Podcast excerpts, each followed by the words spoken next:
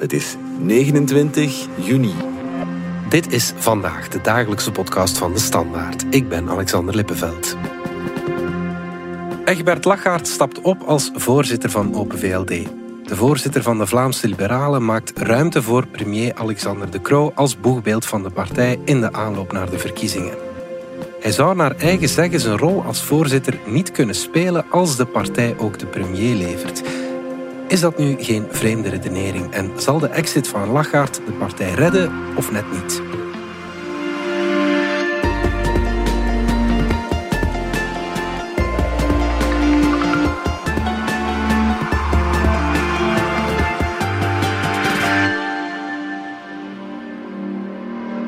Ja. Waarom loopt u weg, meneer Lagarde? Anne van Rentergem van VRT vroeg zich vorig jaar al af uh, waarom Egbert Lachaert letterlijk toen wegliep van de camera's. Nu doet hij het ook en loopt hij weg van zijn voorzitterspost. Bart Drinkman en Jan-Frederik Abeloos van onze politieke redactie. Dat was wel een verrassing van formaat. Hè? Dat is inderdaad een verrassing. En achteraf kan men natuurlijk zeggen, ja, maar er waren er toch al een aantal tekenen. Ik denk bij sommige mensen intern in de partij was het minder een verrassing, omdat toch duidelijk was dat hij steeds meer afstand nam.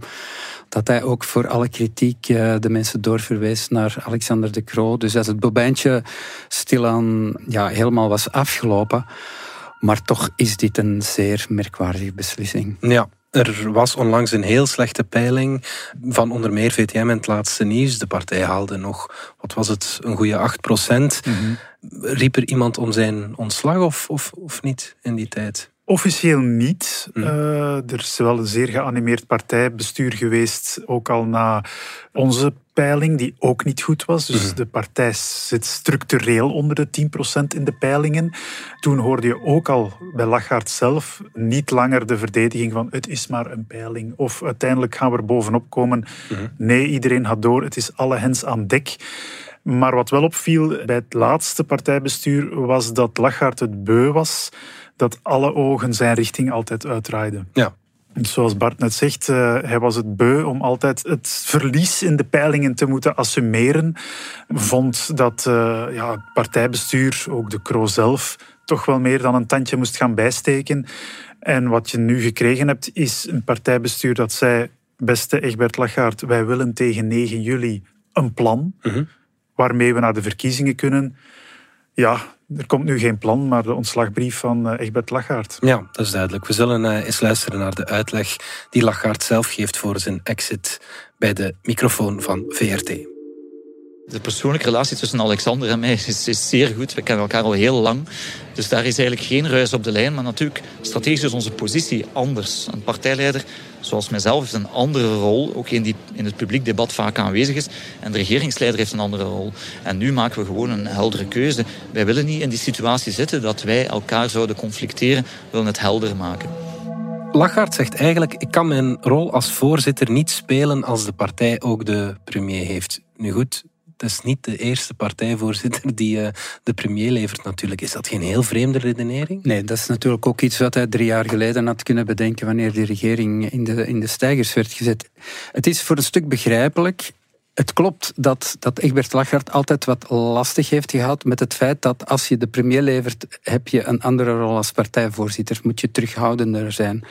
De premier maakt het compromis en dan heeft het natuurlijk weinig zin dat je als partijvoorzitter van dezelfde partij, van de premier, dat je dan kritiek begint te leveren op het compromis dat gemaakt is. Dat gaat niet. Dus je moet eigenlijk ja, zwijgen. Tegelijkertijd... Maar ik denk dat als je een eerste minister hebt, dat mensen in de verkiezingen ook die eerste minister willen beoordelen.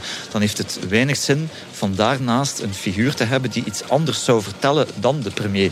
We zijn alle twee liberalen, maar we hebben natuurlijk een andere rol te spelen. Als je een, een partijvoorzitter bent die, die, die daar ook al een tijdje zit en, en die natuurlijk los van die regering staat, ja, dan wordt elk verschil gemillimetreerd afgewogen. En dat is geen leuke situatie voor niemand. Laat ons helder kiezen. Alexander de Croo is onze politieke leider. We zetten ons achter hem en de organisatie zal daar ook op georganiseerd worden. Kun je dan hopen dat de regering goed marcheert? mocht de regering goed marcheren, dan ben ik ook zeker van dat hij er nog zou zitten.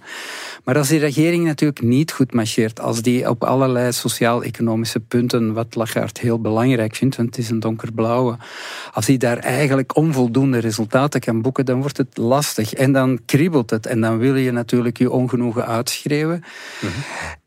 En ja, goed, dat gaat dan niet. En dus ergens kun je zeggen, dan, dan trekt hij een consequente conclusie. Dan zegt hij, ja, ik kan niet als voorzitter functioneren, dus ga ik in de Kamer zitten. Maar dan moet je een beetje kijken, zit ik in de juiste rol om dat dan als voorzitter in te vullen? En ik denk dat ik van meer waarde kan zijn in het parlement. En daar ga ik in september terug uh, heel actief in zijn. En dan is de vraag natuurlijk, wat gaat hij daar doen? Ja, wel, want daar kan je toch niet meer of minder de luis in de pels spelen dan als voorzitter. Ja, hij dicht zichzelf daar blijkbaar een vrijheid toe die hij nu niet heeft. Hm. Maar ja, dat gaat natuurlijk heel raar overkomen. Want in het begin uh, dat hij in de Kamer nu denkt vrij te zijn, gaan we zijn woorden nog altijd natuurlijk uh, op een weegschaal leggen. En stel, en dat hoor je nu al binnen de partij, van gaat Egbert Lachart daar nu echt de oppositie voeren tegen de premier in de Kamer? Kan toch niet? Wel, dat lijkt inderdaad vrij onwaarschijnlijk. Maar bon, uh, dus hij gaat nog steeds gevangen zitten ook in die nieuwe rol die hij nu voor zichzelf ziet als vrijer Kamerlid. Dat is een hmm. beetje toch een. Ook dat is wat een, een vreemde redenering. Wat ook wel speelt, denk ik, in die dynamiek, is dat je toch ook hoort van verschillende mensen in de partij, is dat de Kro gaandeweg toch iets brutaler is gaan omspringen met de rol van Egbert Lachaert. Okay ja, hij had daar meer, minder en minder respect voor. Lagarde werd minder en minder ingelicht over bepaalde demarches en dossiers. Bijvoorbeeld herinner je de recente verklaringen van de Croo over de, de pauzeknop die moest ingeduwd worden bij de Natuurherstelwet. We horen dat dat niet doorgesproken was met de voorzitter Egbert Lagarde. Dat is toch wel opvallend als je zo'n majeure uitspraak doet. En blijkbaar zag Lagarde nu ook wel de bui hangen wat betreft ehm, de fiscale hervorming, die een volle onderhandeling is. Ook daar had hij al een vermoeden dat het, uh, ja, laat ons zeggen, een compromis zou worden dat hij moest gaan verdedigen met wie weet hogere BTW en andere zaken. Wie weet zelfs een vermogensbelasting. Ja, ja. ja dat ligt allemaal voor liberalen en ook voor, voor iemand als Lagarde zo moeilijk dat hij denk ik er gewoon geen zin meer in had om het opnieuw te moeten gaan verdedigen. Het had, ook, het had vorige week ook een persoonlijk tintje gekregen. Dus uh, vorige week hadden we de, de problematiek rond de minister van Buitenlandse Zaken, Hadja Labib waar de Croo eigenlijk bijzonder snel opnieuw zijn vertrouwen had uitgesproken. Zelfs na een toch wel vrij dramatische sessie in de Commissie van Buitenlandse Zaken. En dat, dat viel uh, Lachart ook wel zwaar, omdat, ja, we mogen niet vergeten, enkele maanden geleden werd uh, genadeloos Eva de Bleker onder de bus gegooid door Alexander de Croo. Eva de Bleker, die eigenlijk een heel goede relatie heeft met Egbert Lachart. En dan heb je toch een beetje het gevoel van, ja, twee maten en twee gewichten. Een eigen partijgenoot uh, wordt bij het minste geslachtofferd, terwijl een, een minister van Buitenlandse Zaken die, die toch duidelijk fouten heeft begaan, dat is ook deze week gebleken, ja, die mag dan aanblijven en krijgt dan onmiddellijk de steun van de premier. Dus dat lag niet eenvoudig allemaal. En is dan de oplossing gewoon ontslag nemen? Dat, dat, dat wringt bij mij. Dat, dat is toch heel Nee, maar dat is denk ik iets wat zoals je net zei, aan de ene kant is het consequent. Hè. Je, je trekt de conclusie, ik kan niet naast de premier uh, functioneren, maar, maar aan de andere kant heb je een heel groot vraagteken wat je dan wel gaat doen. Mhm. Je gaat naar de Kamer, je gaat ongetwijfeld kritiek hebben op, ik zeg zomaar iets, hè. je weet nooit dat er een fiscaal akkoord komt. Mhm. En als het dan niet helemaal zijn zin is, gaat hij dan kritiek geven. Mhm. En als je dan niet oplost, uh, als je dan niet oplet beter, dan, uh, ja, dan, dan rij je gewoon de partij aan flarden. Want dan dan ga je eigenlijk een partij hebben met een deel waar, waar de Kroo gesteund wordt. Hij is onze premier, het is een goed compromis, weet ik veel hoe dat men het allemaal gaat uitleggen. En je krijgt een andere fractie van donkerblauwen, hè, van, van mensen die zichzelf terug maagd achten hè, na, na die paar jaar van regeringsdeelname, die dan, die dan kritiek gaan leveren. Hmm.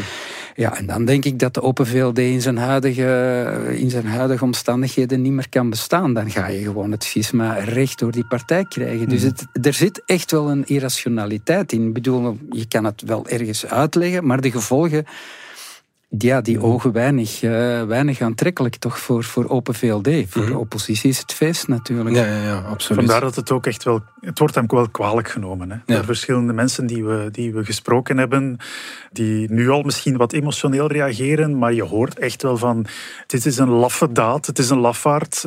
Uiteindelijk moet je rekenen, hij is een van de architecten van een Vivaldi-regering. Ja. Mhm. Hij heeft die in de stijgers gezet. De Croo heeft vervolgens de bal binnengekopt samen met Paul Magnet. Nu, voor de eerste verkiezingen, waar dus toch ja, Vivaldi zal gewikt en gewogen worden door de kiezer, ja.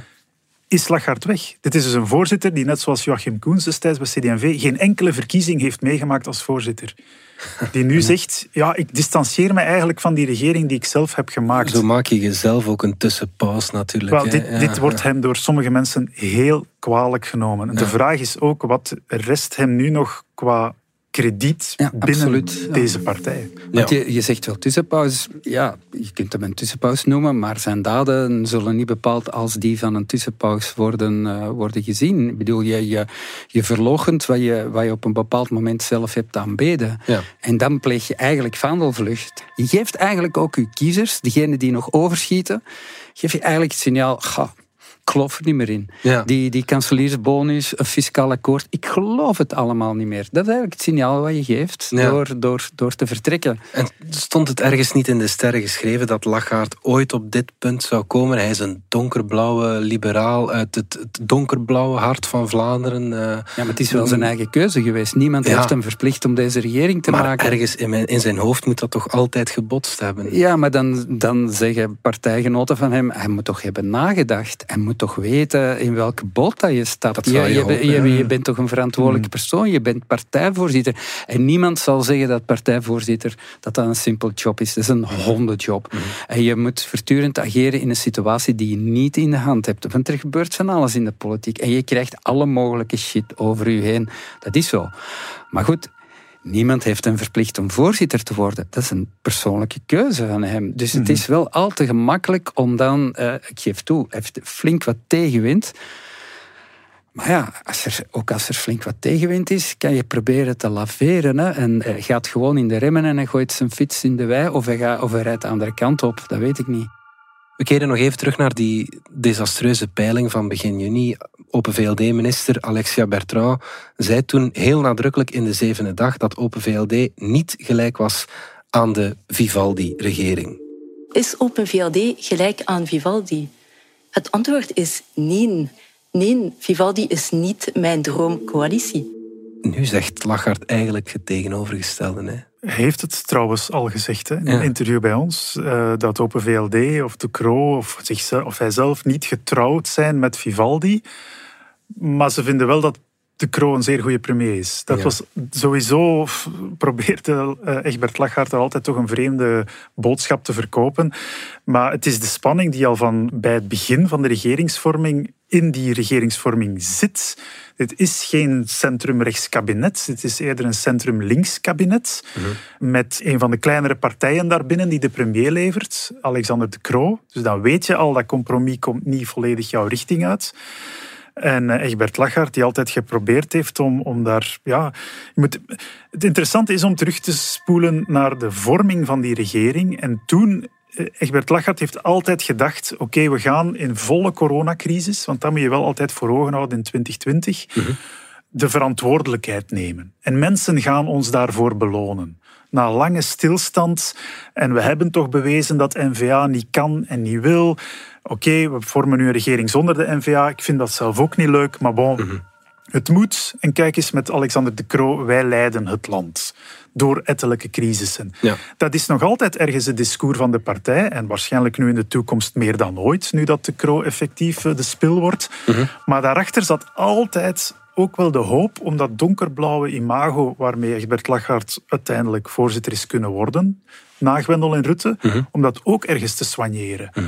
Om die donkerblauwe kiezer toch ook niet helemaal verder te verliezen aan, aan de NVA. Ja, dat is de reden waarom Bart Tommelijn toen ook geen voorzitter eh, geworden is. En je ziet peiling na peiling dat dat niet werkt. Dat, dat schisma, Bart alludeert op een mogelijk schisma. Voorlopig is het dat nog niet, maar is het wel een spanning. Mhm. En die spanning peiling na peiling heeft aangetoond dat de kiezers daarvan weglopen. Ja. Dat die niet goed meer weten waar staat die Open VLD nu voor? Mhm, Wat ben ik daar nog mee in de toekomst? En eigenlijk erkent Lachart dat nu ook met zijn exit. Hij krijgt het ook niet meer verkocht. We gaan er even uit voor reclame. Waarom dat ik met mijn neus in dat Super 8 Flandrien-glas zit? Ah, ben ik de cola aan het verkennen, hè? Super 8. Lekker onverwacht. Deze hele saga doet wel heel erg denken aan wat er eh, met premier Verhofstadt en eh, Karel de Gucht, die toen voorzitter was in 2003, denken. Hè. Toen had je ook een centrum-links, een paars kabinet, paars-groen, en dan had je een centrum-rechtse voorzitter. Is dit gelijkaardig, Bart, of, of nee, niet? ik vind het verschil toch wel behoorlijk. Eigenlijk ging het toen maar over één punt, het, het Migrantenstemrecht, migrantenstemrecht. En dat was slordig geregeld uh, tijdens de formatiegesprekken. Mhm. Dus men was daar niet uitgeraakt. Dus men had dan maar gezegd, dat is voor het parlement. Goed wetende eigenlijk, ja, als je het naar het parlement stuurt, dat je dan, zeker wat Open VLD betreft, dat je dan ging verliezen. Mhm. En dan eh, is dat eigenlijk helemaal ontspoord en heeft dat geleid tot het uh, vertrek van Karel de Gucht als voorzitter. Maar dat was een partij die toen natuurlijk ja, 20, 25 procent haalde. Dus je zit eigenlijk in, in de fleur van je leven. En, en achteraf gezien was dat een, een vreselijke periode die de partij echt wel veel stemmen heeft gekost. Het begin van het was eigenlijk het begin van de neergang. Alleen had men op, op dat moment toch nog het gevoel, dit kunnen we ons wel veroorloven. En, en de Gucht was eigenlijk voor de rest was helemaal geen criticus van die regering. Hier heb je een voorzitter die met een partij die ondertussen op 8% zit. Ja. ja, die eigenlijk geen uitweg niet meer ziet. Die zeker ook niet de verantwoordelijkheid wil nemen voor de verliescijfers die er wellicht volgend jaar zullen komen. En die gewoon eieren voor zijn geld kiest. Je zegt het begin van de neergang was toen. Is dit het begin van het einde, zeg maar? Eigenlijk, mijn analyse is altijd geweest... Oké, okay, de, de, partij is voor een stuk heftig kapot geregeerd. Dat ja. moeten we eigenlijk durven zeggen. Er zit veel te lang een federale regering sinds uh, 1999. Ja, dat is toch behoorlijk lang. Uh, ook in de Vlaamse regering zit ze al heel lang met een, met een kleine tussenperiode tussen 2009 en, en 2014, denk ik, dat ze er even niet in zat. Dus die partij is echt kapot geregeerd. Mm. Die is uitgewoond. Dus dat, is, dat moeten we eigenlijk durven zeggen. Maar als je natuurlijk als voorzitter uh, bij de verkiezingen uh, een heel goed resultaat halen. Uh, dus Egbert Lachart was verkozen in één ronde, meer dan 50 procent. Heeft zijn tegenkandidaat Bart vernederd gewoon. Het was duidelijk dat daar de donkerblauwe, maar, maar ook de militant he, nam toen het woord. Die echt dacht van, het is het moment, dit is de geschikte kandidaat, hij heeft het goede profiel en we moeten die richting uit. Ja, als je met die wetenschap een andere richting uitgaat, ja, dan moet je niet schrikken dat er een knak volgt in de peilingen. Want men vertrouwde het echt niet meer zoals Jan-Frederik ook uh, gezegd heeft. Men vertrouwt het niet meer. En naarmate Vivaldi natuurlijk, we hebben crisis gehad rond COVID, Oekraïne. Toen kon de Krol zich min of meer stand houden. Maar die crisis, de energiecrisis ook nog, maar die crisis zijn nu achter de rug. En nu is het eigenlijk gewoon naakt besturen, nu hervormen. Nu is het pas crisis. Nu, is het, en nu, nu gaat het over ja. fiscaliteit, pensioenen ja. en wat allemaal meer. Allemaal thema's die Lachart heel ja. nauw aan het hart liggen. En daar, daar wordt er gekrasseld en, en er wordt geen vooruitgang geboekt. Oeverloze bilaterale contacten. Iedereen wordt zo zot als een achterdeur. En, en, en, en dus hij gelooft er niet meer in. De diepe ironie is dat het enige, en dat is misschien treffend, het enige wat deze partij nu nog rest na meer dan twintig jaar besturen, is alles inzetten op de premier. Ja. Het is het enige waarmee ze nog naar de kiezer kunnen stappen. Dat is, ja, wij besturen dit land. Wij doen dat al heel lang. En ja, dit is geen liberale partij meer. Het is vanaf nu de partij De Croo. Ja. Ja. Dit is iets anders. Ze zochten al lang een nieuwe naam. Ik denk bij deze hebben ze hem gevonden. Hè. Dus lijst, lijst premier. lijst dit, uh, dit, is, dit is geen partij meer die vertrekt vanuit een ideologie, omdat ze weten, dan komen we in de rat met het ja. dagelijks beleid. Dat daar te ver van afwijkt. Dat is de reden waarom dat Lachgaard stopt. Het enige wat nu rest, is dat te omarmen, dat jij blijkbaar de partij bent die het compromis belichaamt. Met, met alle respect, maar gaat dat werken Tuurlijk niet. Buiten de Vlaamse Ardennen, zeg maar. Ik denk nee, nee dat is zo, ja, de Kroo kan maar in één kieskring opkomen straks. Hè. Dat is die in Oost-Vlaanderen, waar ten andere ook Egbert Lachart een plaats onder de zon moet zien te vinden. Tenzij dus, naar Europa gaat. Tenzij naar Europa gaat, ja. Zij aan zij, met misschien Wouter Beke, maar nu dwalen we af. uh...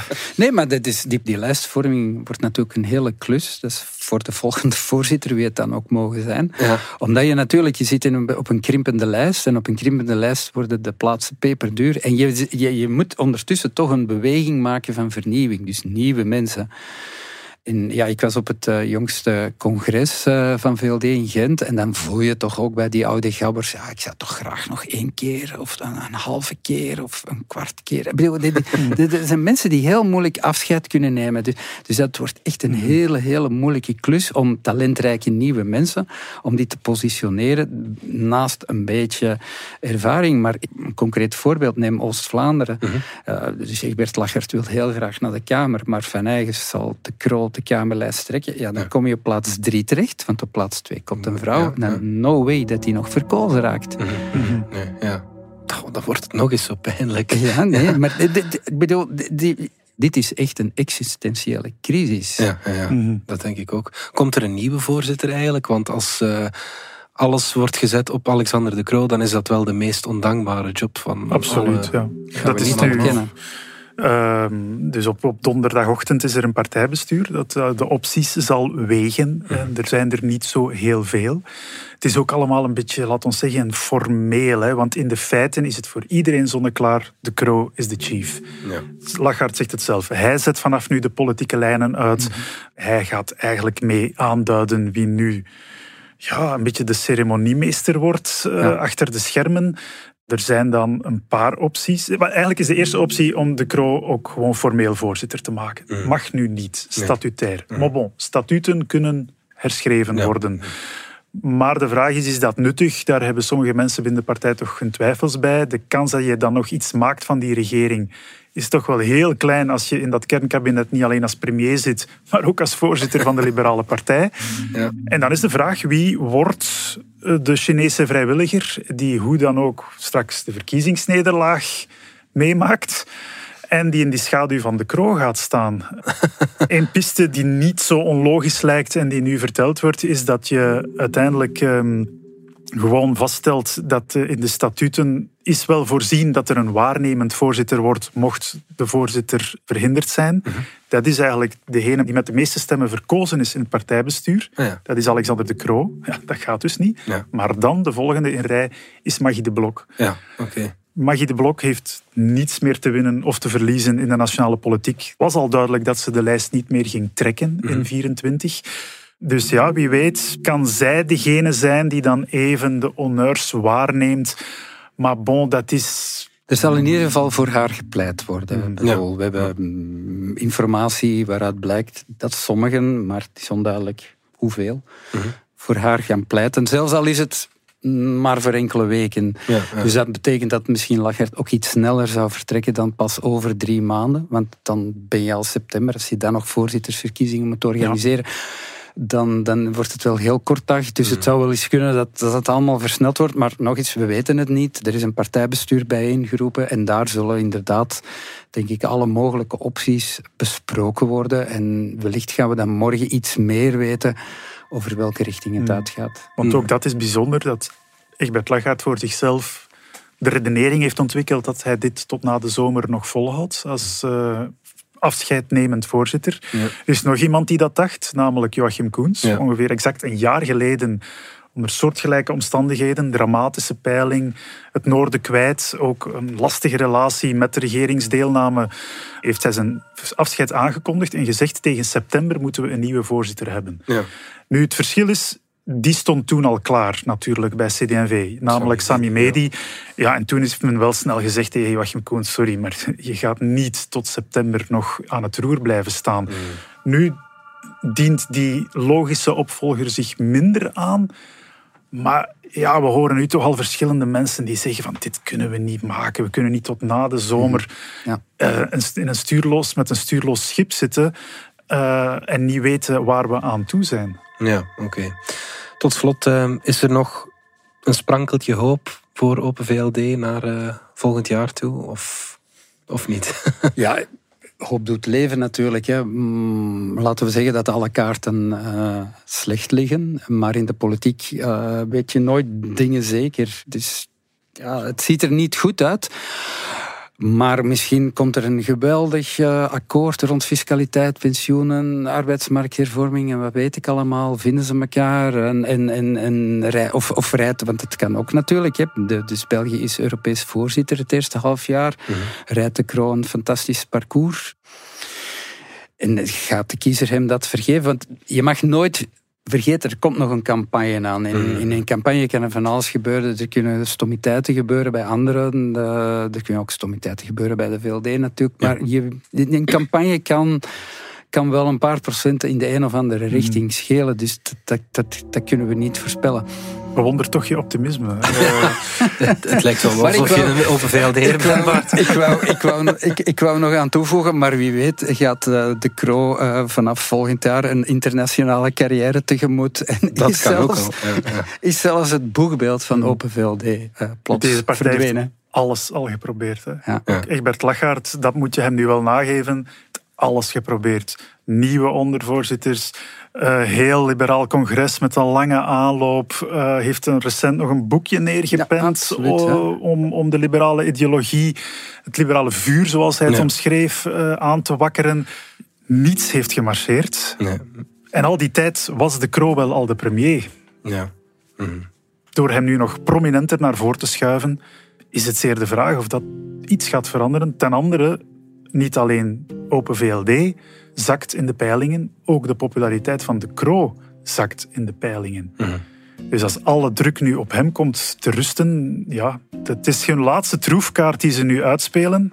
Ja. Maar of dat het uh, winst het... verzekert, is toch allerminst zeker. Ja, inderdaad. Maar om af te sluiten, het liberalisme is een, denk ik een belangrijke ideologie. Mhm. In mijn ogen zal er ook altijd een liberale partij zijn in Vlaanderen.